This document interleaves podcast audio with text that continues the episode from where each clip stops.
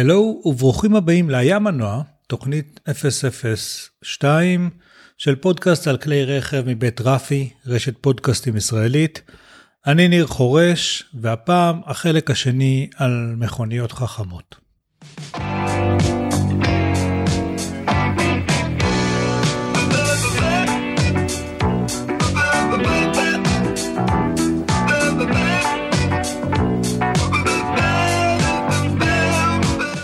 היי, בפרק הקודם דיברנו קצת על משמעותה של הטסלה מודל 3, שהחלה להימסר ללקוחות לא מזמן, ומשם הגענו למיפוי הדרגות השונות של אה, אוטונומיות, של רמות אוטונומיות במכוניות חכמות, והבנו שאנחנו נמצאים כרגע, יוצאות מכוניות שהן בדרגה 3, עוד יש כאלה שהן בדרגה 2 יחסית נפוצות. ושדרגה 4, שהיא מה שאנחנו באמת חושבים עליו כשאנחנו מדברים על מכונית אוטונומית, אמ, נמצאת מרחק של נאמר שנתיים שלוש מאיתנו. אז גם אם ניתן לטכנולוגיה עוד קצת זמן להבשיל, כי צריך את השנתיים שלוש האלה, סביר להניח שמכוניות אוטונומיות יהיו מחזה יחסית שכיח בנגיד 2025, וכנראה שב-2030 הם כבר יהיו רוב מוחלט מבין הרכבים שיימכרו. ואנחנו מדברים על אוטונומיות רמה 4. עכשיו, זה נשמע רחוק, 2025, 2030, אבל מדובר על עוד 7 עד 12 שנים מאיפה שאנחנו היום. אגב, אם אתם שומעים את הפרק הזה בעתיד, אז הפרק הזה מוקלט ב-2017. אמ, אז היום ננסה לדבר קצת על מה בעצם יכול לקרות בעולם כזה שבאמת אה, מכוניות אוטונומיות הופכות להיות כל כך דומיננטיות. מה, מה יהיו ההשפעות על, על העתיד או על החיים שלנו כמו שאנחנו מכירים אותם. עכשיו אם נחזור קצת אחורה בזמן רק כדי לקבל פרספקטיבה אוקיי על קנה מידע על כמה זה 12 שנים בעולם הרכב או בעולם הרכב האוטונומי כי מבחינת עולם הרכב לא השתנה יותר מדי. אה, אם תסתכלו על מזדה 3 שלפני 12 שנים אה, שנת 2005 לא מה לפני כן 2005 היא מאוד דומה למה שיש היום. הרכב של היום הוא שינוי הדרגתי incrementalי. יש בו קצת יותר בטיחות כנראה אולי עוד איזה כוכב בטיחות האבזור יותר טוב קצת החיסכון בדלק המנוע נעים יותר. חומרים איכותיים יותר, אבל בסופו של דבר, עיצוב יפה יותר, אבל בסופו של דבר זה רכב מאוד מאוד דומה. ולא רק מאזדה 3, אתם יכולים אפילו ב, לא יודע, לנדרובר דיסקאברי, שבשנת 2005 היה דיסקאברי 3, והיום אנחנו בדיסקאברי 5, אז כן, היו שני דורות באמצע, אבל זה מאוד more of the same. שוב, מערכות הנעה מתקדמות יותר, קצת מערכות המידיה טובות יותר ו, ומתאימות יותר לעולם שבו יש טלפון סלולרי לכולנו, אבל בסופו של דבר שינויים incrementalיים והרכבים מאוד מאוד דומים בסופו של דבר במה שהם. בעולם הרכב האוטונומי לעומת זאת, 13 אה, שנים זה הרבה זמן, או 12 שנים זה הרבה זמן. אה, אם נסתכל, אני חושב ששנת 2004 היא נקודה מאוד מאוד משמעותית בעולם הזה, אה, כי בשנת 2004 דרפ"א, הרשות למחקר טכנולוגי הגנתי, נראה לי זה התרגום הסביר של השם שלהם, אה, ערכה תחרות, האמריקאית כמובן, כן? ערכה תחרות של רכבים אוטונומיים, שבפעם הראשונה הייתה פתוחה לציבור עד, עד אז זה היה מין מחקר אה, צבאי כזה ובפעם הראשונה בשנת 2004 אה, גופים חיצוניים יכלו להשתתף בזה. אה, התחרות הייתה נסיעה של רכבים אוטונומיים אה, במדבר כלשהו בשטח פתוח עד כמה שאני זוכר מנקודה לנקודה כשהרעיון היה שזה צריך לקרות ללא שום נהג או שלט, אף אחד לא שולט, אומרים לרכב לאן הוא צריך להגיע, אה, והוא צריך על בסיס מפה ורדאר וכל מיני חיישנים שהיו להם, אה, להבין איפה הוא יכול לעבור, איפה הוא לא יכול לעבור, אה, ולנסות להגיע לקו הסיום, מרחק שנדמה לי היה 4 שעות או 6 שעות נסיעה, בנסיעה מאוד מאוד איטית של נדמה לי פחות מ-20 קמ"ש, זה היה התחרות של 2004. אף רכב לא סיים את את, את התחרות הראשונה. אבל לאט לאט עם השנים כל שנה הייתה תחרות כזו ועם השנים לא רק שהם סיימו אלא שהתחרות נהייתה מורכבת יותר וכשהרכבים נהיו חכמים יותר אז אתגרו אותם ואחד האתגרים הכי משמעותיים וגדולים היו כשהתחרות לא הייתה בשטח פתוח במדבר בלי אף רכב מסביב אלא תחרויות של, על, שהיו על כביש כשיש מסביב כלי רכב. אמ, בעצם בפעם הראשונה אני חושב שזה כבר היה בסביבות נגיד 2007 2008 בפעם הראשונה רובוטים נדרשו להתנהגות עצמאית, אה, אבל תוך כדי התחשבות ברכבים שנהוגים על ידי אה, בני אדם, לא צפויים, אנחנו הבני אדם, אה, מסביבם. זאת אומרת, זה לא רק שהם היו צריכים להתחשב בתוואי קרקע ובין, לא יודע, תנאי מזג אוויר, או, או כל מיני דברים, או בשילוט ובסימונים שיש על הדרך, או דברים כאלה, אלא האתגר האמיתי ל, לרובוטים האלה היה אנחנו, בני אדם שנמצאים סביבם והם צריכים איכשהו להבין מה אנחנו רוצים, לצפות אותנו ולהתנהג בהתאם למשתנים האלה.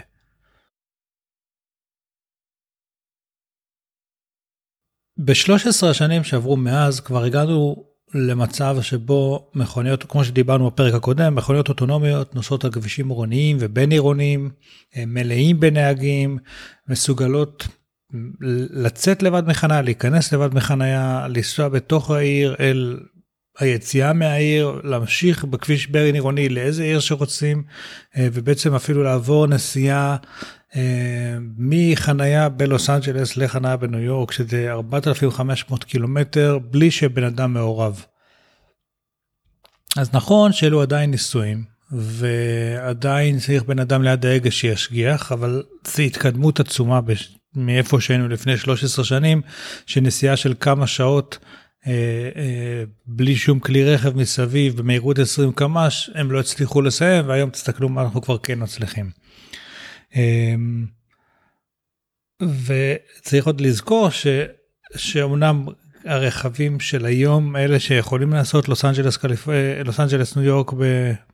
לבד, הם לא בדיוק רכבים שאנחנו יכולים עדיין לקנות, כאילו זה כן טסלה נגיד, אבל בגרסאות תוכנה שעדיין לא יצאו לציבור. גם הניסויים האלה של דרפ"א שדיברנו עליהם קודם, לא רק שהם לא היו משהו שלא יכולנו לקנות, זה היה כלי רכב ממומנים על ידי טובי, מנוהלים על ידי טובי המוחות והתקציבים של אוניברסיטאות ומכוני מחקר. זאת אומרת, זה היה עוד יותר רחוק מאיתנו מאשר הטסלות של היום. אמ, וכנראה ששנה מהיום אז הגרסת תוכנה הזו שמאפשרת לטסלה לנסוע מלוס אנג'לס לקליפורניה כבר תהיה משהו שכל אחד יכול לקנות בחנות ב-25 אלף דולר שזה לא יודע נגיד בארץ 100 אלף 120 אלף שקל מזדה 3. זה הופך להיות הרבה הרבה יותר נגיש ו- וזמין. עכשיו בגלל שזה קורה השינוי הזה אז כל חברות הרכב הגדולות שופכות כמויות עצומות של כסף על מחקר בתחום. והמטרה שלהם היא לא רק להקדים את המתחרות שלהם, זה לא שפורד מתחרה פה רק במרצדס או בפולקסווגן, אמ, אלא יש פה שחקנים חדשים שנכנסים לשוק. אז אם הזכרנו קודם את, אה, אמ, את טסלה, אז יש עוד שחקנים וזה לא רק זאת אומרת השחקנים האלה שבאים עכשיו הם באים מבחוץ הם לא באים אם תמיד בארצות הברית מתייחסים לדטרויט בתור uh, בירת הרכב אז uh, מדברים על זה שעכשיו המשחק עובר מדטרויט לסיליקון וואלי לעמק הסיליקון זאת אומרת השחקנים החדשים והמשמעותיים uh, ש, שמשתתפים במשחק הזה ושמאיימים על תעשיית הרכב הם טסלה הם אובר, הם גוגל, הם אפל. בגלל שהתוכנה הופכת להיות כל כך משמעותית בעולם הזה, אז החברות שמתמחות בתוכנה טובות בזה יותר מחברות הרכב. עכשיו חברות הרכב מאוד מתאמצות ומאוד משתדלות ומבינות את זה ומשקיעות מאמצים ואובר שתכף נזכיר אותה שוב נדמה לי שהצוות של קרנגי מלון שניצח בתחרות של דרפ"א ב-2007 אז אה, גויס לאובר או עובד בשביל אובר אני לא זוכר בדיוק את היחסים שלהם שם אבל חברות הרכב אה, ואז, ולפורד יש איזשהו שיתוף פעולה עם, אה, נדמה לי, הצוות שהיה באוניברסיטת קולומביה וכן הלאה. חברות הרכב שמבינות שאין להן בהכרח את הידע אצלן ביד, מביאות אותו מבחוץ כי מבינות ש, שזה המשחק. אבל עדיין מדובר על משחק חדש. יש כאלה ששוב פעם אומרים שטסלה היא אייפון של עולם הרכב. עכשיו, בעולם של הטלפונים הסלולרי, כמו שאנחנו זוכרים, נוקיה ובלקברי, הכוכבות של פעם, לא הצליחו לעשות את השינוי הזה וצצו חדשים כמו uh, אה, HTC וכאלה, ומצד שני יש את סמסונג שכן הייתה פעם וגם נמצאת היום, ו-LG וכל מיני כאלה. Uh, למרות שאולי הפכו להיות דומיננטיות יותר, או, או קיבלו הזדמנות חדשה. דוגמה לשימוש במידע ובתוכנה, שאני לא זוכר אם דיברתי בפרק הקודם, היא דוגמה של מה אה, טסלה עושה עם אה, מידע. דברים שקצת נשמעים דמיוניים, אבל הופכים להיות המשחק החדש. אז אה, טסלה, בגלל שהיא רכב נמוך, כש... יש לה מערכת שמאפשרת להגביה ולהנמיך את הרכב באמצעות אה, אה, בולמי אוויר כאלה, לא בולמי, אה, כן, קפיצי אוויר, קרקריות אוויר שמתנפחות בעזרת מדחס, אה, וזה בשליטת הנהג. אז נגיד יצאתי מהחניה ויש איזשהו בור, אני יכול להגביה את הרכב ולעבור את הבור ואחר כך להנמיך אותו מחדש. עכשיו, כיוון שהרכב הוא, יש לו GPS והוא רכב חכם כביכול, הוא זוכר את המיקום שבו הגבהתי את הרכב. כך שבפעם הבאה שאני אגיע לאותו בור, הוא יגביה לי כבר את הרכב גם כן. אבל מה שמעניין יותר זה שהמידע הזה לא רק נשמר ברכב בטסלה הפרטית שלי, אלא הוא עולה למחשבים המרכזיים של טסלה, ועכשיו מועבר לכל טסלה שנעה על הכבישים היום. כל טסלה אחרת שתגיע לאותו בור בכביש, גם היא תוגבה, אה, ובעצם הרכב שלי הופך להיות חכם יותר בעזרת כל הרכבים האחרים שנמצאים על הכביש. אמ, עכשיו, זה מאפשר להם ללמוד מאוד מהר. אוקיי? מספיק שטסלה אחת עכשיו יודעת לנסוע אה, מניו יורק ללוס אנג'לס לבד, כל הטסלות יודעות לנסוע מניו יורק ללוס אנג'לס לבד, אה, וכן הלאה, זאת אומרת, הלמידה שלהם היא מאוד מאוד מהירה. אה, אז אם דיברנו קודם על 12 שנים או 7 שנים, תלוי איך מסתכלים על זה, צריך להבין שהקצב פה הוא, הוא מאוד מהיר וזה באמת שינוי שקורה עכשיו, ושגם ככה 12 שנים זה לא הרבה זמן. אמ, בשביל השינויים שאנחנו הולכים לדבר עליהם עכשיו. אז, אז איזה השפעות או שינויים אנחנו חושבים שיכולים לקרות אם, אם באמת המסה הקריטית של המכוניות יהפכו להיות מכוניות אוטונומיות, או שנגיד אפילו הצי כולו יהפוך להיות אוטונומי. אז ננסה להסתכל על זה מכמה זוויות, גם קצת כלכליות וגם אה, אחרות, אה, אבל נתחיל מהנושא כלכלי. אם מסתכלים על מכוניות היום, שיש לנו היום, אז רוב המחקר, יש כמה מחקרים שמראים שמכונית פרטית נמצאת בתנועה כ-4% מהזמן. רוב הלילה היא לא בתנועה, רוב היום היא לא בתנועה. אנחנו אמנם עומדים באיזה פקק בבוקר ואיזה פקק בערב, אבל גם אז להרבה משפחות עם שני רכבים יש רכב אחד שלא נוסע כל כך הרבה, בסופי שבוע הם לא נוסעים, כשאנחנו בחו"ל הם לא נוסעים. זאת אומרת המון המון זמן אה, אה, הרכב שלנו פשוט לא נוסע. 4% מהזמן הוא כן נוסע, זה אומר ש-96% מהזמן הוא לא נוסע, אז שזה מטורף. עכשיו, העלות המוערכת הממוצעת של מכונית בארצות הברית היא 9,000 דולר לשנה. זאת אומרת, אם מתייחסים לפחת על הרכב, פלוס התחזוקה שלו, פלוס הדלק, הביטוחים, הטסטים, כל מה שצריך, מי שיש לו מכונית פחות או יותר מוציא על זה 9,000 דולר בשנה. 9,000 דולר בשנה למשהו ש-96% מהזמן שלו אנחנו לא משתמשים, 96% מהזמן אנחנו לא משתמשים בו בכלל. עכשיו, 9,000 אחוז, 9,000 דולר בשנה האלה הם ההוצאה השנייה הכי גבוהה של משפחה או של משק בית, אה, אחרי דיור כמובן. אז אין פלא שכשבאים שירותים שמציעים אלטרנטיבה טובה אה, של שיתוף רכב, אה, כמו נגיד אובר או זיפקר, אז הם צוברים פופולריות עצומה איפה שהם קיימים ומהווים אלטרנטיבה רלוונטית אה, לעלות העצומה הזאת של להחזיק רכב. מחקר של אוניברסיטת ברקלי מראה שאחוז בעלי הרכב בקרב אלה שיש, במקומות שבהם יש שיתוף רכב כזה, נגיד זיפקר ואובר כ, כמשהו זמין, אה, ומבין האנשים שמשתמשים בזה, אה, כמות בעלי הרכב או אחוז בעלי הרכב נמוך ב-50% מהמקומות שבהם אין. אה, בקרב האנשים שלא משתמשים בדבר הזה. עכשיו זה די הגיוני, כי אם אני משתמש בזה, אני לא צריך רכב. אה, אז כאילו המבחן פה הוא קצת לא נכון, אבל בפועל כמה שהשירותים האלה יהפכו להיות יותר פופולריים, פחות אנשים בצורה דרמטית ירכשו אה, מכוניות. עכשיו, זה אומר שאם יש ירידה מאוד משמעותית במכוניות הפרטיות שנרכשות, ועלייה בשימוש של בציי רכב או ברכב אה, אה, אה, שיתוף רכב כזה, אז לאורך זמן, מה שיקרה זה שמי שיקנה את המכוניות זה כנראה יהיה פחות אנחנו האנשים הפרטיים ויותר ציי רכב כאלה של זיפקר ואובר וכאלה. השוק הזה של מי קונה בכלל רכב ואז ולכן מה צריך להיות רכב הוא מאוד הולך להשתנות בצורה דרמטית. עוד כמה מספרים. 32 אחוז מהמשתתפים בסקר אחר בארצות הברית אמרו שהם בכלל לא ימשיכו לנהוג אם לא תהיה חלופה נוחה של, אה, אם תהיה חלופה נוחה של רכבים אוטונומיים. זאת אומרת, הם נוהגים היום רק אם חייבים, לא כי הם רוצים. אה, וזה השלושים, ואני מניח שלאלה שאמרו, שלא אמרו שהם יפסיקו לנהוג, קצת קשה לדמיין איך נראה עתיד כזה, אבל כשהם יראו עתיד כזה, אה, אני חושב שהאחוז של אלה שיפסיקו לנהוג לחלוטין יהיה גבוה הרבה יותר. עוד השפעה של השירותים האלה היא על מי שבכלל מוציא רישיון.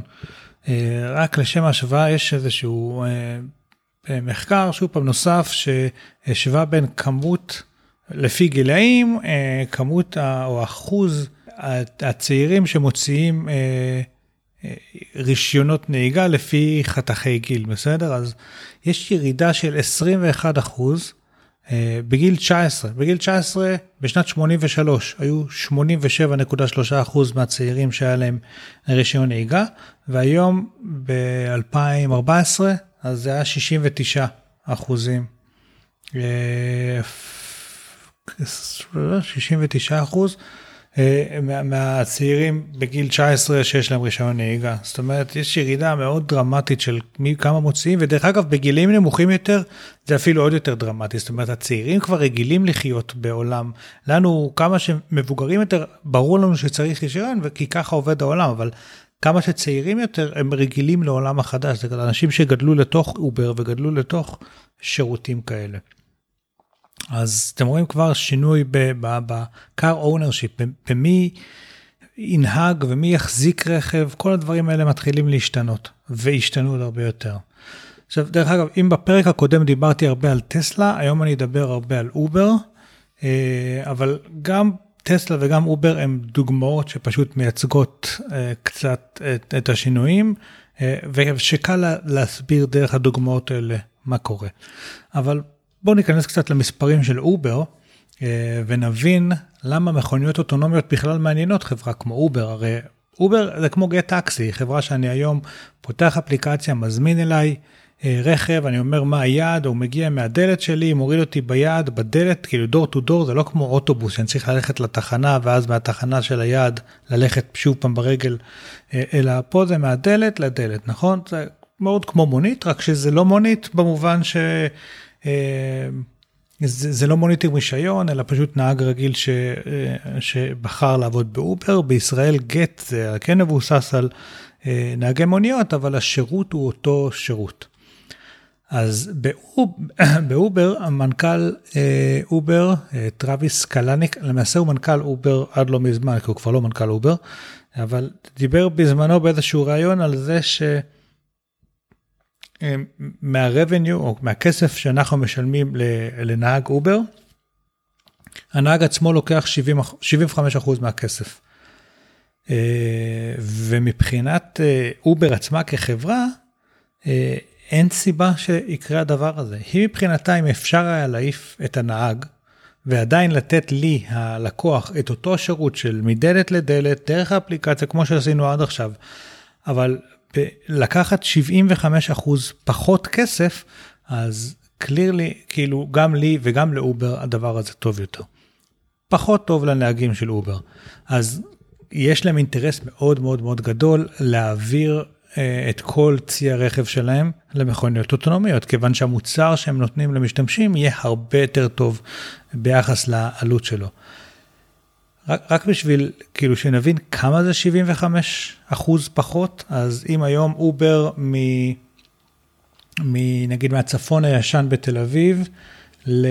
ליפו, עולה נדמה לי 45 שקלים, 45 שקלים, אז אם מורידים 75 אחוז מזה, נשארים עם 11 שקלים. אוקיי? 11 שקלים נסיעה מהצפון הישן בתל אביב ליפו, במקום 45 שקלים שעכשיו עד עכשיו, עלה עד עכשיו. אבל זה לרכב, זה לא לנוסע. ולכן אם יש שני נוסעים, אז ועדיין משלמים 11 שקל, זה יוצא פחות מהשישה שקלים של מונית שירות, שלא לוקחת אותי מדלת לדלת, תעלה, אוקיי? זאת אומרת, אם יש לי חלופה אחת לקחת קו 5 מונית שירות 6 שקלים לאדם, זה יעלה לי 12 שקלים, ואני אצטרך ללכת לאיפה שהמונית נמצאת, ואז מאיפה שיוריד אותי ללכת ליעד, או ב-11 שקלים לנסוע מדלת לדלת. אתם מבינים שכשהשירות הוא כל כך טוב ויעיל, אז אה, אין כאילו, it's a no brainer, אין סיבה לא להשתמש בדבר כזה, זה ממש זול והשירות, והתות, השירות הוא ממש טוב. אה, אתן עוד דוגמה, מונית מאזור השרון לשדה התעופה, שהיום עולה 120 אה, שקלים, 75 אחוז פחות, תעלה 30 שקלים. 30 שקלים למונית, דור טו דור. עם, עם המזוודות והכל, וזה מגיע בלי מונית עם ריח של עשן, כי הנהג עישן עד שירדתי למטה מהבית, אה, או, ש, או בלי נהג שמקלל את הרדיו עכשיו, כי הוא שומע את ביבי, או שהוא אוהב אותו או שהוא לא אוהב אותו, אה, בלי נהג כמו שהיה לי פעם, שבכביש 6 על 140 קמ"ש פתח טלוויזיה ופשוט ראה תוכנית הבוקר של ערוץ 2. אה, לא, זה יהיה נהג שלא עושה תאונות, כי הוא סוג של, הוא רובוט, והוא לא נרדם על ההגה, והוא לא שיכור, והוא לא עייף, והוא לא, לא יודע, מאבד ריכוז. אה, אז השירות הזה, הטוב יותר, נקבל אותו ב-75% פחות במחיר. אני חושב שזה די קל לראות כמה זה אטרקטיבי, כמה זה, כאילו במחיר של אוטובוס לקבל שירות של מונית, אבל מונית עוד יותר טובה מהמוניות שיש היום.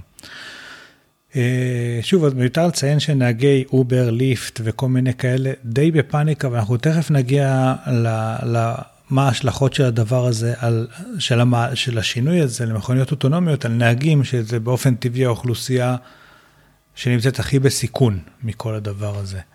אה, אבל נעבור בינתיים לעוד מחקר אחר, שנערך נדמה לי באוניברסיטת קולומביה, שחישב שבשביל להחליף את כל צי המוניות של ניו יורק, צריך 9,000 אה, מכוניות אוטונומיות, אה, או, או, או דוגמה יותר טוב, אה, וב-9,000 מכוניות אוטונומיות, אה, נוסעים יחכו זאת אומרת, אם, אם אין יותר מוניות, אוקיי? יש רק 9,000 מכוניות אוטונומיות, אה, נוסעים יחכו בממוצע 36 שניות, זאת אומרת, מהרגע שהכנסתי באפליקציה את היעד שלי ואת איפה אני נמצא ועשיתי תזמין מונית, 36 שניות בממוצע עד שתגיע המונית, עד שהיא תגיע אליי, והתשלום יהיה בערך חצי דולר למייל. זה אומר שאני יכול לעבור כמעט את כל מנהטן מדרום לצפון בדולרים בודדים. זה כל כך הרבה הרבה יותר זול מכמה שמוניות עולות היום. אז שוב, זה, זה, אם בניו יורק גם ככה אנשים לא מחזיקים רכב, אה, אבל, כי משתמשים בתחבורה ציבורית עכשיו, אתם רואים שבמחירים האלה, וב, וביעילות הזאת, אפילו הסאבווי כבר מתחיל לאבד רלוונטיות, כי זה נהיה כל כך הרבה יותר נוח. אמ, עכשיו, אם מרחיבים את הדוגמה הזאת, אה, ועכשיו שנייה נתחיל להבין בלמה בכלל אובר רלוונטית בשיחה הזאת, ועד כמה הגיוני או לא הגיוני המעבר הדרמטי הזה, שבו פתאום כל המוניות מוחלפות ב, ב, במכוניות אוטונומיות. הרי להמון אנשים זה נשמע מופרך וזה ייקח המון המון שנים, אבל עכשיו הבנתם למה לאובר יש אינטרס מאוד גדול שזה יקרה. עכשיו השאלה היא אם יש להם יכולת לעשות מהלך כזה. אמ, אז אם אובר לבד, אוקיי? אין אף חברה אחרת, שזה לא נכון, כן? אבל אם אובר לבד הייתה רוצה להחליף את כל המוניות בארצות הברית, זה נשמע פסיכי ולא הגיוני, עד שמסתכלים על המספרים, אוקיי? אובר מוערכת ב-50 מיליארד דולר, פחות או יותר היום. אה, יש לה revenue, הכנסה שנתית של 6.5 מיליארד דולר, ונניח והיא רוצה להחליף את כל המוניות שיש בארצות הברית במכוניות אוטונומיות, שהיא קונה מכספה, כן? אמ, אז אה, יש 171 אלף מוניות בארצות הברית. אה, נניח שרכב אוטונומי טסלה מודל 3, דיברנו על זה, עולה 25 אלף דולר לרכב אחד, היא צריכה בסך הכל 4.5 מיליארד דולר כדי להחליף את כל המוניות שיש בארצות הברית. ברכבים אוטונומיים וקחו בחשבון שהגרסה שאנחנו מדברים על אוטונומית היא 5 שנים מהיום שוב פעם אה, אה, אה, ושטסלה מתיימרת לייצר 500 אלף מכוניות בשנה, אנחנו צריכים שני רבעונים של טסלה מוכרת רק לאובר את המודל 3, וזהו. ולאובר יש את הכסף ולטסלה יש את הקפסיטי לייצר, והנה הוחלפו כל המכוניות בארצות הברית ב... ב... במכוניות, כל המוניות בארצות הברית במכוניות אוטונומיות. זה, זה, צריך להבין, זה, זה נכון שטסלה עדיין לא מייצרת חצי מיליון מודל 3 בשנה, אבל היא מתיימרת להגיע לשם תוך שנה או שנתיים. וזה נכון שהמודל 3 עדיין לא אוטונומי לחלוטין, אבל הוא אמור להגיע לשם עוד 3, 4, 5 שנים. ה... וזה נכון שאובר עוד לא התחילה לרכוש את כל המכוניות האלה, אבל יש את הכסף הזה ביד. ו... ואובר היא לא לבד גם, כן? יש את ליפט, ויש את גט, uh, ויש את... Uh, ויש מכוניות, אה, לא יודע, שירותים כמו זיפקר, כאילו, שיכולים לעשות פיבוטים, יש הרבה חברות, זאת אומרת, זה לא צריכה להיות רק אובר, אבל, אבל אנחנו מראים בדוגמה הזאת שגם אם אובר רוצה לעשות את זה לבד, היא יכולה. ולכן כנראה שברגע שהמכוניות יהיו מספיק בשלות ופסי הייצור יהיו מספיק בשלים, אנחנו הולכים לראות שינויים הרבה יותר מהירים ממה שאנחנו חשבנו עד היום. הטכנולוגיה כבר כמעט שם, יש, לה, יש לחברות הכסף, יש להם את האינטרס, תכף יתרפרו כל הנקודות האלה ונתחיל לראות uh, שינויים uh, די משמעותיים. Uh, עכשיו לנו כמשתמשים זה, זה תענוג, כן? שוב, אני היום הייתי בכיף מוותר על, ה, על, על הצורך לנהוג כל יום לעבודה בפקקים שעה, אם משהו היה יכול לקחת אותי דלת לדלת בנוחות שיש לי היום, כן, שאני לבד באוטו, שומע את המוזיקה שלי ואני יכול לעבוד גם תוך כדי, לסמס תוך כדי אם זה אוטונומי, אחלה שירות. עכשיו, צריך להבין עוד משהו, שרכבים אוטונומיים, בעיקר אם אין כבר אנשים על הכביש, הם מאוד מאוד מאוד יעילים. א', הם לא עומדים 96% מהזמן, הם נוסעים כל הזמן כמעט, עד כדי הטענות מדי פעם, אבל הם, הם יכולים לעבוד 24 שעות, הנהג לא מתעייף אף פעם, הוא לא צריך מנוחה כמו שיש לנהגי אוטובוסים ונהגי משאיות לפי החוק. הם יכולים בקלות אה, לחפש את הזמנים המתים שבין נסיעה לנסיעה כדי להתאים את עצמם, ובעצם ככה להיות כל הזמן זמינים. אה, כשמכוניות אוטונומיות, החיישנים שלהם מגיבים הרבה יותר מהר מאיתנו, אוקיי? כל ה... לימדו אותנו על זמן תגובה וזמן בלימה וזמן זה, אה, הזמני תגובה שלהם הרבה יותר מהירים. אה, בנוסף הם מתקשרים, מכוניות אוטונומיות מתקשרות אחת עם השנייה, לפחות זה חלק ממה. החזון יכול להביא. אז אה, אם יש עכשיו שתי מכוניות שנוסעות אחת אחרי השנייה ב-200 קמ"ש נגיד, והן מתקשרות, אין להן זמן תגובה, כי כשאחת מתחילה לעצור השנייה יודעת על זה, אז הן לא צריכות לשמור מרחק של שתי שניות כמו אצלנו, הן יכולות לשמור מרחק של שני סנטים ב-200 קמ"ש, ובעצם יהיה כמו רכבת של מלא מכוניות ב-200 קמ"ש שנוסעות ביחד. אה, השתלבות בצמתים, לא צריך רמזורים, הן מדברות אחת מהשנייה, לא צריך מחלפים מסובכים, הן מדברות אחת עם השנייה. אין אה, תאונות במפר טו במפר שאז נהגים סקרנים מתחילים להסתכל ונוצרים פקקים עצומים. השתלבויות, כל מה שקורה בו כל בוקר בצומת רעננה יש השתלבות מכמה נתיבים מאיזה ארבעה חמישה לשלושה. ופקקים קילומטרים אחורה, כי עד שההשתלבויות האלה מצליחות לקרות, גם בכביש 6 זה קורה כשיורדים מארבעה נתיבים לשלושה אה, בשעות העומס. אה, יש את הדבר הזה שכשנגיד כולם נוסעים 90 קמ"ש והרכב שלפניי עכשיו אה, טיפה עצר ואני לחצתי טיפה על הברקס והרכב שחל לחץ טיפה על הברקס, אז זה 40 מכוניות אחורה מגיעים לפעמים לעצירה מוחלטת. למה? בגלל שהיעילות של אנשים, שוב פעם, היא לא גבוהה כמו של מכונות. אז אה, אם עוברים לתשתית שכולה מכוניות אוטונומיות, אז היעילות היא כזו גבוהה שגם אין תאונות כמעט בכלל, ואין פקקים כמעט בכלל, ומתפנה כאילו מלא מלא מלא מלא זמן. אמ, אה, וזה דווקא דבר מדהים. אה, עכשיו, החסרון של הדבר הזה, זה שאם באמת מספיק אחוז אחד, אה, זה הערכות דרך אגב, שאם אחוז אחד מהצי רכב הנוכחי אפשר לשרת את אותה כמות אוכלוסייה. גם כי שוב, כי המכוניות לא עומדות כל הזמן, אבל גם כי כשהן נוסעות הן הרבה יותר יעילות מאיך שהן נוסעות היום.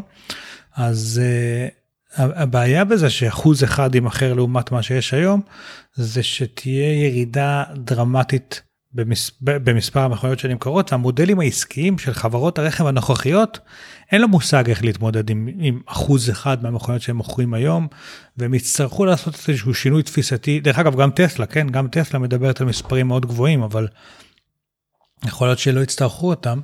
אה, ואם נוסיף לזה את מה שדיברנו על מכוניות חשמליות שהבלאי שלהם מאוד מאוד נמוך כי אין שם כמעט חלקים זזים אז שוב אז רכב נשאר אה, תקין ואמין לאורך יותר זמן אז צריך לקנות עוד פחות מכוניות. אה, בקיצור תעשיית הרכב תצטרך כנראה לעבור איזשהו שינוי. מאוד מאוד דרמטי במודלים העסקיים, כי כבר לא מוכרים לפרטיים, מוכרים לציים, וכבר אה, אה, אולי לא צריך את כל מגוון הדגמים שיש היום, כי לציים צריך משהו פחות מגוון, אולי כמויות קטנות יותר, אז המרג'נים גדולים יותר, אני לא יודע איך, אבל תעשיית הרכב הולכת לעבור disruption מאוד חזק, ו- וזה יהיה מעניין לראות אם יהיו שם כל מיני נוקיה ובלקברי כאלה. אה, שלא יצליחו לעשות את המעבר או, או ישתנו, יעשו פיבוט, אמ, ומי השחקניות החדשות שייכנסו ו, ויקחו את, ה, את המשחק. עכשיו, תעשיית הרכב היא התעשייה הכאילו ה-obvious שהולכת להיפגע, אבל אה, בואו נראה מה עוד הולך לקרות. אה, ביטוח רכב אם הזכרנו קודם שאין כל כך uh, תאונות, כשרוב המכוניות על הכביש הן אוטונומיות, אז uh, לא צריך כל כך פיתוח רכב. נכון להיום מדובר על 200 מיליארד דולר בשנה, תעשייה של, של הביטוח רכב לבד שהולכת להיפגע. Uh, מימון רכב, שוב, אם אנחנו אנשים פרטיים לא קונים מכוניות, אלא ציי רכב קונים מכוניות ואצלם זה קצת עובד אחרת, אז 100 מיליארד דולר של מימון רכב לאנשים פרטיים, יש כל מיני ליסינגים ודברים כאלה, גם אה, נעלמים. אה, תעשיות, כל מה שקשור לחנייה, אוקיי? אין צורך בחנייה במכוניות אוטונומיות. זה קונספט די פסיכי, כן?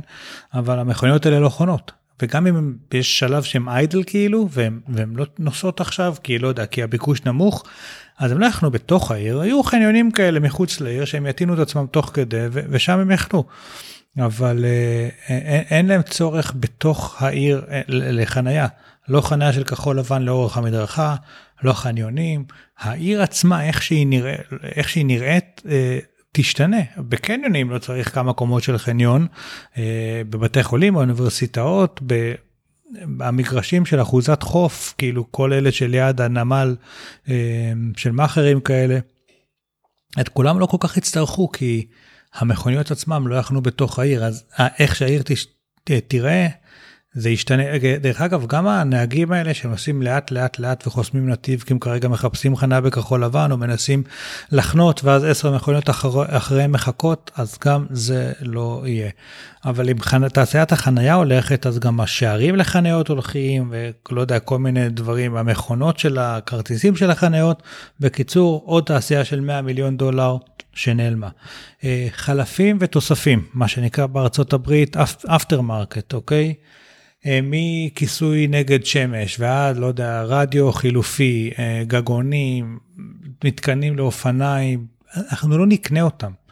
אנחנו נוכל כנראה להזמין מה, מהאפליקציה של אובר אה, רכב שיש לו מתקן אופניים. אוקיי? או משהו כזה. אבל לא נצטרך לקנות מתקן אופניים. אז יהיה צורך בהרבה הרבה פחות aftermarket, מה גם שאם הרכב הוא לא שלי, אין לי מה להשקיע לו בחלונות כהים, בריפודים, אני לא יודע, אה, דיסקים מהמראה.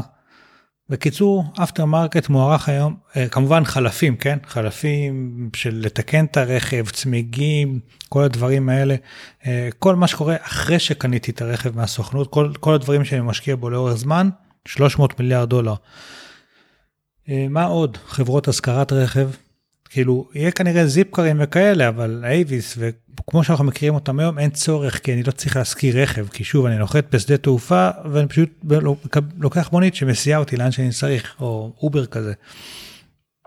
אמ, חברות תחבורה ציבורית אחרות, חלקם ייפגעו גם כן, קנסות של חנייה, קנסות של מהירות, כל אלה לא יהיו. אמ, דברים שכנראה כן יישארו זה סמי טריילרים שמובילים מכולות וכל מיני סחורות, אה, משאיות כמו משאיות עפר וכל מיני דחפורים וכלי צמא, ציוד מכני הנדסי אחרים, הם יישארו, אוטובוסים יישארו, אבל הנהגים שלהם לא יישארו. אמ, בכלל מדברים על זה שכנראה שבערך איזה 10 מיליון, בארה"ב לבד, כן? 10 מיליון משרות ייעלמו תוך 10-15 שנה מהיום. ולמשרות אה, צווארון כחול, אוקיי? שאנשים פחות משכילים, הם לא יודעים לתכנת או דברים כאלה, זה לא שמחר הם יוכלו ללכת לכתוב את הקוד של המכוניות האוטונומיות. אה, משרות צווארון כחול שכנראה לא יהיה להם משרות חלופיות יותר מדי אה, ללכת לעבוד בהם במקום זה שהם נהגים היום, וזה בעצמו יכול ליצור משבר כלכלי חמור מאוד, בדרך כלל מעל 25% אבטלה, כבר אנחנו מתחילים לראות אה, אה, הפיכות וקריסות וכל מיני מערכות כלכליות שקורסות. אה, בצד החיובי אבל, שוב נחזור קצת לדברים חיוביים שיקרו מה, מה, מה הזה למסה קריטית של מכוניות אוטונומיות, אה, קודם כל, אה, ברגע שהגורם האנושי יורד מהכביש, אז תאונות שנגרמות מהגורם האנושי אה, אה, אה, לא יקרו, שזה כמעט הרוב המוחלט של תאונות, אוקיי? בהערכות גסות מדברים על זה שמ-30 אלף הרוגים בשנה בארצות הברית הם יורדים לשלוש. אנחנו בארץ עומדים על 500 או 400 הרוגים בשנה, אני מאמין שאנחנו נרד לאחד, שניים, כאילו בודדים, זה, זה אינסיין. אה, שני מיליון פצועים בשנה, גם זה מספר שירד בצורה דרמטית, אה, אבל זה לא רק, כאילו, א', זה פגיעה בשעות עבודה, כן? כשאנשים נפצעים ונהרגים בתאונות דרכים. אה, שירותי הבריאות עולים כסף, לטפל בכל האנשים האלה. אה, הפקקים שנוצרים, ההשלכה של ירידה בתאונות דרכים, יש לה המון המון יתרונות מעבר לחיסכון עצמו בחיי אדם, שהוא בפני עצמו כבר שווה את הכל.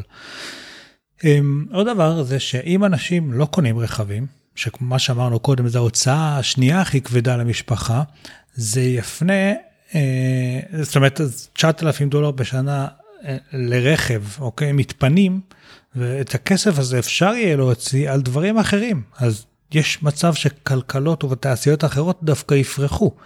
אולי יהיה לנו יותר כסף לחופשות, אולי יהיה לנו יותר כסף לשופינג, אולי יהיה לנו יותר כסף ל...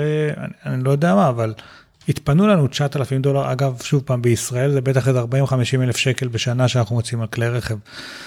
אחלה, אחלה כסף לקבל פתאום כל שנה מחדש. אה, בגלל שאני לא צריך רכב. אז נכון, אני, אני אוציא קצת על אובר אה, ודברים כאלה, אבל אם להשוות את זה לחופשי חודשי נגיד, אז יעלה לי, לא יודע, 400 שקל לחודש, כפול 10 זה 4,000, 5,000 שקל במקום 50 אלף שקל, ההוצאות רכב שלי בשנה היו. זה הבדל עצום. וגם נרגיש הרבה יותר בנוח אגב שהילדים שלנו הקטנים ייסעו במכונית אוטונומית לבד לחוגים שלהם מאשר שהם ייסעו באוטובוס מלא באנשים שאנחנו לא מכירים ואנחנו לא יכולים להיות שם איתם לידם אה, כדי לשמור עליהם. אז אפילו זה יכול להיות אחלה. אה, אז בקיצור אותם 100 אה, טריליון, אה, סליחה, אותם טריליון דולר שקודם מניתי אותם, אוקיי, 100 מיליון דולר על הביטוח ועל המימון ועל החנייה ועל החלפים וכל הכסף הזה ש, שקודם פתאום התעשיות האלה אומנם יקרסו, אבל זה כסף שאמור לצאת לאנשהו, אנשים שילמו אותו, עכשיו משלמו אותו על דברים אחרים, כנראה, כי ההכנסה שלהם, של חלקם לפחות תישאר אותה הכנסה, חוץ משל אותם עשרה מיליון שאיבדו את העבודה שלהם. זה מסובך, זה, זה, זה מציאות חדשה לגמרי, היא, היא לא דומה לאיך שאנחנו רואים את זה, לאיך שדברים נראים היום. בואו נראה, אז אמרנו שהערים שלנו הולכות להשתנות כי לא צריך חנייה ויש חניות מחוץ לעיר ומרכזי הערים השתנו כנראה. דרך אגב, מה שעוד יוכל כאילו לקרות זה שהפרברים יוכלו לפרוח כי קל הרבה יותר להגיע לכל מקום, זה, זה נהיה פחות אה, משנה להיות במרכז, אם מאוד זול וקל להגיע לכל מקום, אז, אז המרכז פחות חשוב כביכול. אה, השוואות סביבתיות, השפעות סביבתיות מדהימות. אה, אם יש אחוז אחד, או אני לא יודע, 20 אחוז מכלי הרכב שיש היום, רק זה מה שישאר על הכביש, והם יעילים הרבה יותר, כמו שאמרנו, וההטענה שלהם נעשית בלילה כשאנחנו ישנים, ובאופן כללי להטעין רכב מחשמל זה ניצול טוב יותר של אנרגיה, בגלל שבתחנת כוח הם יודעים להמיר אנרגיה. לחשמל טוב יותר מפוסל פלוי, מדלקים, לחשמל, הם עושים את ההמרה בצורה יעילה יותר ממנוע בעירה פנימית בודד של, של, של, של רכב פרטי. אז, אז ההשפעה הסביבתית אה, דווקא תהיה מאוד מאוד חיובית, הרבה פחות זיהום אוויר של כלי הרכב, אה, גם כי הם יעילים יותר, חכמים יותר, וגם כי יש פחות כלי רכב, וגם כי הרבה מהם יהיו חשמליים. אה, כמו שאמרנו, פחות פקקים, פחות תאונות אה, דרכים, והזמן המבוזבז המצרפי הזה, אוקיי? שאני היום שעתיים כל יום על הכביש, זה שעתיים שבהם אני לא עובד או לא עם המשפחה שלי. אם זה ירד לחצי שעה, כי הכל יהיה הרבה יותר יעיל, אז יש לי שעה וחצי נוספת ביום שאני יכול להביא גם תפוקה בעבודה, וגם אולי בבית, אוקיי? אז... אז אה, להיות עם הילדים שלי, לשבת איתם בלימודים, אז הם יהיו תלמידים טובים יותר וכן הלאה, או סתם נבלה ביחד ונהיה מאושרים וכיף יותר. אז התועלת המצרפית הזאת של, של הרבה פחות פקקים, תאונות, מחל, אה, פציעות ו, ו, ומוות, אה, יכולה מאוד לתרום לאנושות ול, ולכלכלה. אמ, יש גם עולמות, תעשיות שלמות שלא היו קיימות עד עכשיו ופתאום ייווצרו, כן? לא יודע, יש תעשייה של התקשורת בין רכבים, כמו חברת אה, אוטוטוק לצורך העניין הישראלית, אמ, או artificial intelligence, אה, אה, בינה מלאכותית, שמאוד דומיננטי בתחום הזה, זה תעשיות שיפרחו ומשרות חדשות ייווצרו בהן, והכנסה, או בקיצור, זה כלכלות שלמות ש, שיקומו במקום כלכלות שנעלמו וקרסו. אמ, ועוד אוכלוסייה, דרך אגב, שתרוויח מזה מאוד, מכל הנושא הזה של רכבים אוטונומיים ובזול, אה, הם תעשיית האנשים בעלי המוגבלויות. אה, היום מתוך 320 אה, מיליון אנשים בארצות הברית, 57 אנש, מיליון מוגדרים אנשים בעלי מוגבלויות, והערכות מדברות על זה שמכוניות אוטונומיות יעזרו לכשני מיליון אנשים בעלי מוגבלויות להצטרף למעגל העבודה, כי היום הם פשוט לא יכולים להגיע לעבודה בצורה מספיק זולה, יעילה או נוחה, כי להיות עיוור וללכת לאוטובוס, לתחנה, זה כבר אתגר מאוד מאוד גדול. אה, או להיות אה, נכה, אוקיי? אם אני נכה וקשה לי ללכת ואני צריך להגיע לתחנת האוטובוס, אני לא יכול לקחת מונית כל יום, כי זה לא, כי זה לא כלכלי, אבל... ברגע שיהיה אה, שירות יעיל כזה, אה, שאני אוכל להגיע בעזרתו לעבודה, זה יעזור לאנשים האלה להצטרף למעגל העבודה. אה, בכלל, תחשבו על אנשים זקנים שהראייה שלהם נפגעה, או, או, או מבוגרים ש, שיש להם בעיות בירך עכשיו, או פרקים, או, יהיה להם הרבה יותר קל להרגיש ולהיות עצמאים, לנוע ממקום למקום. הם יהיו פחות תלויים באחרים. וזה שוב, וזה יהיה זול ונגיש יותר. אה, עוד, עוד בכלל אה, השפעה שאני נגיד אני לא חשבתי עליה, שאמרו שיש ב, מאותה סיבה של, של אנשים בעלי מוגבלויות קשה אה, הנושא של תעבורה, אז הם מפספסים משהו כמו 11 מיליון תורים לרופאים בשנה. אז א', הבריאות שלהם נפגעת, וב', מערכת הבריאות האמריקאית צריכה עכשיו כל מיני כפילויות כאלה, עכשיו גם אצלנו זה ככה, כן, אגב, כל המחקרים פה הם מארצות הברית רק בגלל שקל יותר למצוא מחקרים מארצות הברית, לא בגלל ש... הם שונים בצורה יוצאת דופן מבארץ. אבל אז, אז המספרים פה אפשר לגזור מהם פחות או יותר איך זה בארץ, אבל בקיצור המון תורים לרופאים בשנה מתפספסים בגלל קשיים כאלה בתעבורה. אז זה מעמיס מאוד על מערכת ה-healthcare, הבריאות, ו, וגם על, על האנשים עצמם שצריכים את התורים האלה. גם הדברים האלה יכולים להשתפר, ולכן ברגע שההוצאה של מערכת הבריאות על עצמה היא, היא, היא נמוכה יותר, היא יכולה להשקיע בטיפול איכותי יותר, בטיפולים נוספים וכן הלאה. מעריכים את הבזבוז הזה של ה-11 מיליון תורים שפספסו במשהו כמו 19 מיליארד דולר בשנה לבד, רק, רק זה, שזה מטורף. שוב, נובע מאותו סיפור שאוטובוס לא תמיד קל להגיע אליו, אבל מונית היא מאוד יקרה, והם לא יכולים לנהוג, ולא תמיד יש בן משפחה שייקח אותם, אז הדברים האלה. ובכלל ישנם עכשיו מאמצים לעודד רשויות להציע שירותי הסעה אוטונומיים כשירות לאזרחים, אוקיי? כאילו, משהו שהעירייה תיתן לאנשים שיש להם מוגבלויות. אה, או לחילופין העירייה תקל, על, אה, תיתן כל מיני סבסודים והנחות לחברות שמתעסקות בכלי רכב אוטונומיים, כדי שהם בתמורה ייתנו את השירות הזה מסובסד לאנשים בעלי מוגבלויות. אה, אפשר להמשיך ככה עוד הרבה, כאילו, נג... אתם רואים איך השינוי הזה בעולם הרכב לבד, יש לו השפעה כאילו קולוסלית כזה, יש גלי הדף כאלה שמתפזרים מסביב על כל מה שקשור אליו. תעשיית הרכב כפי שהיא כיום, על כל הנגזרות שלה, אה, מוערכת בכ-15 טריליון דולר בעולם, אוקיי? כל הדוגמאות שנתתי היו לארה"ב. תעשיית הרכב בעולם כולו מוערכת ב-15 טריליון דולר. אה, רק בשביל הפרופורציות, תעשיית המובייל והמחשבים ביחד, כולל כל האינטרנט על השרתים והסרברים והראוטרים שבדרך וכן הלאה, תכלילו בזה מה שאתם רוצים. אה, אלה מוערכים בשישה טריליון דולר, אוקיי? אז, אז, אז תעשיית הרכב היא תעשייה ש... שוב, על נגזרותיה, כל ה ecosystem, אה, היא תעשייה גדולה אה, כמעט פי שתיים וחצי מהתעשייה הזו של מחשבים וסלולר, וכמו שאנחנו רואים איך החיים שלנו השתנו מכל מיני אייפון, אוקיי? איך הוא השפיע לנו על החיים, רק ניתן לדמיין מה יהיה ה impact של מכוניות אוטונומיות בתעשייה שהיא עוד יותר דומיננטית על הרבה מאוד אספקטים בחיים שלנו. אני לא יודע אם זה הולך להיות טוב יותר או רע יותר, זה הולך להיות אחר לגמרי, וכדאי מאוד לעקוב, כדאי מאוד להתעניין. אולי תמצאו את המקום שלכם במהפכה הזאת, אולי יש לכם מה לתרום, אולי זה, אה, אם תלמדו ותרכשו ידע מספיק בתחומים הרלוונטיים, אתם אה, תהיו כמו החלוצים בעולם האינטרנט. אה, מי שנכנס מוקדם לשם עשה, זאת, זאת הייתה הזדמנות חייו. אה, זהו, זה בינתיים סיכום של אה, הפרק השני על מכוניות אוטונומיות. אה, הפרקים הבאים לא יהיו על מכוניות אוטונומיות, אנחנו נטפל בנושאים רבים ומגוונים שקשורים לרכב באופן כללי, מבטיחות לרכבות, מה ההשפעה של מכוניות חשמליות, קצת על עולם מרוצי הרכב, יש דברים שקורים שוב ב...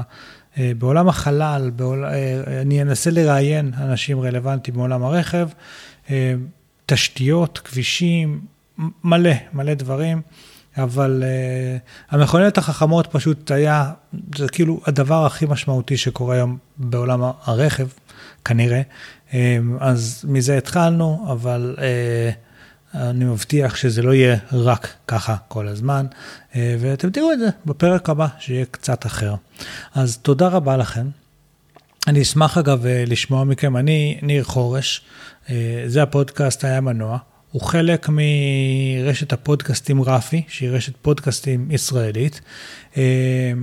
לאחרונה החזרנו, אנחנו חוזרים עם הנונקאסט. אה, לא מזמן עשינו את הנונקאסט 2.0 אה, או הנונקאסט העונה השנייה, או איך שתקראו לו, שהוא מודל של אה, מגזין, להבדיל ממודל של חדשות כזה שהיינו קודם. יש לנו אתר נורא יפה ברפי.מדיה, יש לנו דפי אינטרנט, אני דרך אגב שטרודל נירחו בטוויטר וניר חורש בכל מקום אחר. אני אשמח מאוד לשמוע פידבקים, אני אשמח מאוד שתעשו share ותספרו על הפודקאסט הזה לחברים שלכם. אמ, תשתתפו בדיון, תגיבו לפודקאסט הזה, אמ, תשלחו לי הערות, שאלות, איפה טעיתי, ובואו, בואו, בואו נעשה סוף סוף תוכנית אה, רכב נורמלית בישראל, תעזרו לי בזה, אה, ואני אעשה כמיטב יכולתי. אבל אני אצטרך את הפידבקים שלכם כדי להשתפר וכדי להתאים יותר לאט לאט למה שאתם חושבים שהוא טוב. אז זהו, תודה רבה, אני הייתי ניר חורש, שנת לימודים טובה ופוריה לכל התלמידים, אה, וניפגש בקרוב שוב. לילה טוב, או יום טוב, תלוי מתי אתם שומעים.